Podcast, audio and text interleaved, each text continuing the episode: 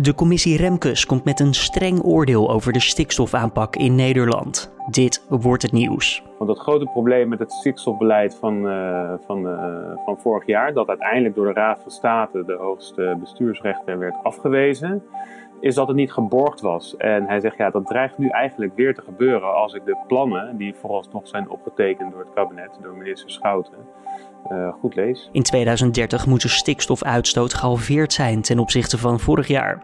Er moet flink geïnvesteerd worden in natuurherstel en de doelen moeten wettelijk worden vastgelegd.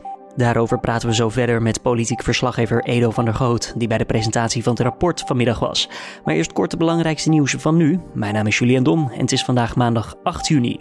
Dit is de Dit wordt het nieuws middagpodcast. De Nederlandse bank voorziet een diepe economische crisis als gevolg van de coronapandemie. Dit jaar verwacht de bank een krimp van ruim 6% van de Nederlandse economie. De grootste klap valt in het tweede kwartaal van dit jaar. Daarna treedt langzaamaan herstel op.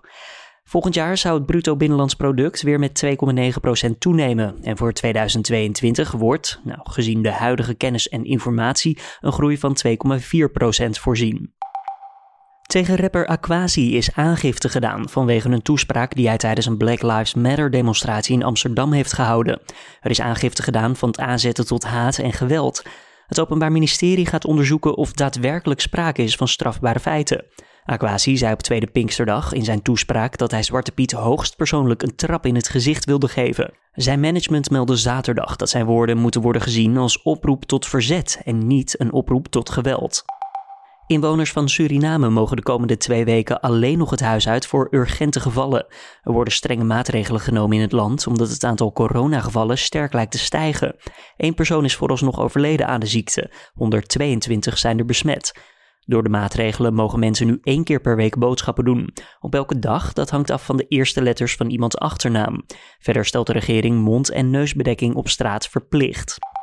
Het aandeel van duurzaam voedsel in de supermarkten blijft toenemen.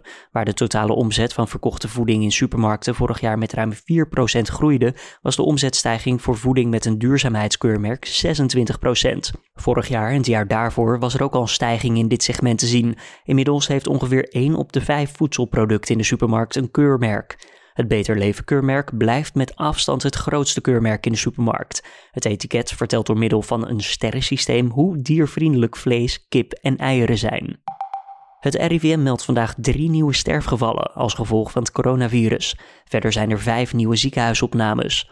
In de afgelopen 24 uur zijn er 165 nieuwe besmettingen gemeld. Het aantal besmettingen lijkt toe te nemen doordat iedereen met corona-gerelateerde klachten zich inmiddels kan laten testen.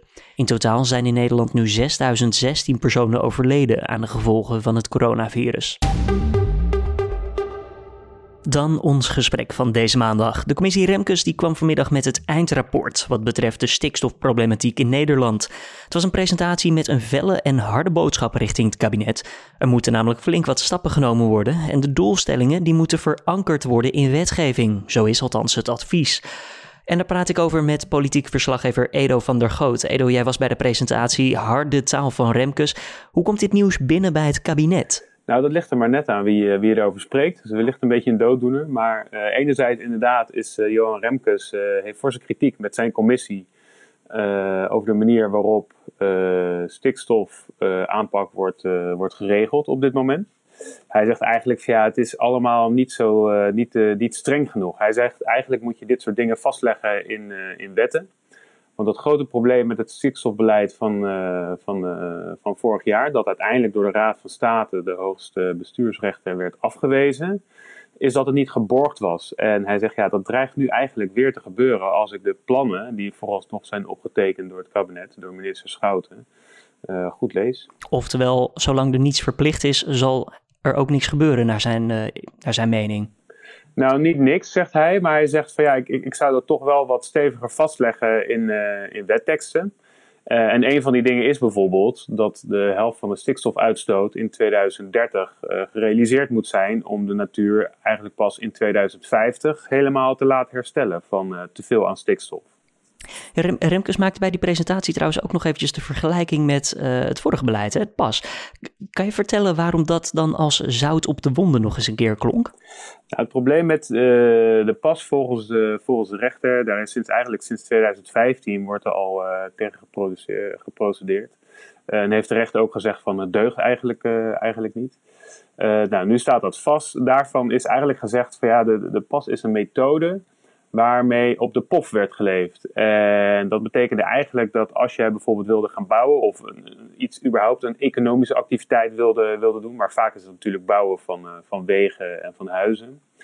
Uh, werd gezegd van nou, je hoeft nu op dit moment nog niet direct iets aan die stikstofuitstoot waar je dan verantwoordelijk voor bent, hoef je nog niet direct iets mee te doen.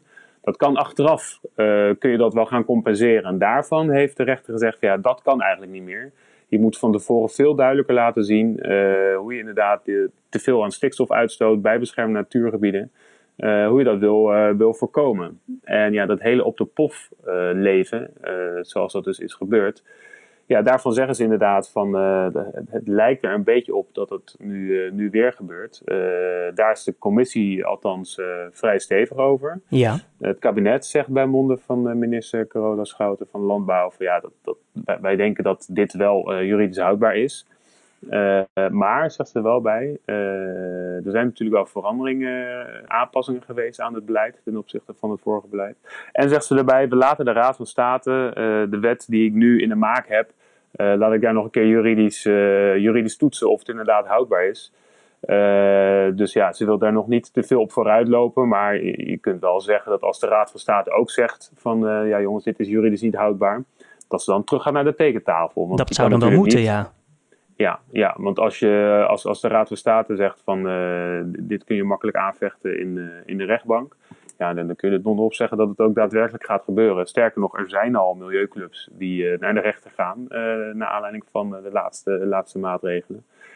Dus uh, ja, dat, dat wordt eigenlijk een, uh, een, soort van tweede spannend uh, advies voor, voor deze minister. De ideeën liggen dus eigenlijk best wel uit elkaar van wat de commissie Remkes denkt en wat Carola Schouten en het kabinet denkt. Het zag er toch wel vriendelijk uit allemaal. Want ik keek eventjes naar de beelden van de persconferentie. Er werden wel grapjes heen en weer gemaakt, fotomomentje en alles. In hoeverre wordt hier dan eigenlijk gewoon mooi weer gespeeld voor de camera? Ja, nou wat je natuurlijk wel ziet bij dit soort rapporten en presentaties van, van dit soort adviezen. Uh, kijk, het beeld is natuurlijk heel belangrijk. Dus als je daar twee chagrijnige uh, mensen ziet staan die, uh, die het totaal niet met elkaar eens zijn, dan, dan, dan zijn opmerkingen al snel gemaakt dat de rapporten en adviezen voor niks zijn geweest en dat de minister te eigenwijs is om te luisteren naar het, het, advies wat ze overigens zelf in het leven heeft geroepen. Ze heeft zelf om dit advies gevraagd. Kijk, Schouten zegt ook van als, als je ambitieuzer wil zijn in je doelstellingen, dus als je een beetje de richting op gaat van het, van het advies, ja, dan, dan komen daar ook meer maatregelen bij om de hoek uh, kijken. En dat, voel ik haar eigenlijk uh, zojuist ook. En zegt, ja, dat vraagt gewoon veel van de samenleving. En we hebben natuurlijk al gezien de boerenprotesten, die misschien niet direct uh, zijn ontstaan naar aanleiding van het stikstofbeleid, maar daar natuurlijk wel veel mee te maken hadden. ja, je ziet natuurlijk al, zodra je daar meer, meer regels voor gaat uh, optuigen, ja, dan komt het land natuurlijk ook in verzet. En uh, de maximumsnelheid moest omlaag. Nou, dat is voor sommige partijen uh, was het allemaal één groot, één groot drama en moeilijk te verteren. En zegt, ja, ik moet gewoon op zoek naar die balans tussen enerzijds inderdaad een ambitieus natuurherstelprogramma of een ambitieus stikstofbeleid. Maar anderzijds ook wel iets dat, uh, dat ik aan iedereen wel enigszins kan uitleggen. Om het even verder te gaan op die landbouwsector dan in ieder geval. Uh, had de commissie Remkes nog woorden voor deze groep? Ja, wat hij eigenlijk zei is, kijk, die landbouwsector is verantwoordelijk voor het grootste deel van de stikstofuitstoot in Nederland. Zo'n dus 41 procent, hè? Ja. Ja, ja 41 procent, ja. Uh, dus die moet eigenlijk wel aan de bak, zou je zeggen. en, en dat is ook wel zo. Alleen daar zitten ook weer geen verplichtingen bij. Uh, er wordt bijvoorbeeld gezegd dat uh, boeren zich vrijwillig kunnen uitkopen als ze veel stikstof uitstoten en dichtbij natuurgebieden zitten. En wat Remkes onder andere heeft gezegd, van, ja, we moeten nu echt een beetje gaan kijken, uh, we moeten dat echt heel erg gaan meten, van wat ze nou precies uitstoten en in welke gebieden. De quote van hem bijvoorbeeld zojuist bij de presentatie was: boeren kunnen niet groen zijn als ze rood staan. Dus hij zegt: ja, we moeten gewoon in kaart brengen van wat, wat, wat stoten die boeren op drijven nou precies uit. En wat kunnen we daar dan gebiedsgericht aan gaan doen? Want hij zegt niet van alle boerenbedrijven in Nederland moeten de helft minder stikstof uitstoten. dat, dat heeft niet zoveel zin, zegt hij. Dan, maak je ook, dan leg je ook ja, te grote claim op sommige boerenbedrijven die misschien heel duurzaam zijn. Hij zegt van nee, ga nou gewoon per uh, provincie kijken waar nou uh, het meeste gehaald kan worden als in 2030 maar de helft van die stikstofuitstoot is gerealiseerd. Oftewel, Remkes komt naast aanbevelingen ook gewoon met oplossingen in, de, in het rapport. Ja, zeker. Nee, dus hij heeft een hele trits aan aanbevelingen. daar gaat het kabinet ook nog wel op reageren. Uh, dat heeft Schouten natuurlijk uh, vandaag voor een deel gedaan. Uh, maar dat rapport lag ook pas sinds vanochtend op het ministerie. Dus ze hebben nog niet precies kunnen kijken naar alles wat er wordt aanbevolen. Dus uh, ja, een, een, uitgebreide reactie met, uh, vaak is dat dan schriftelijk, hè, een, een, lange brief naar de, richting de Kamer, Tweede Kamer.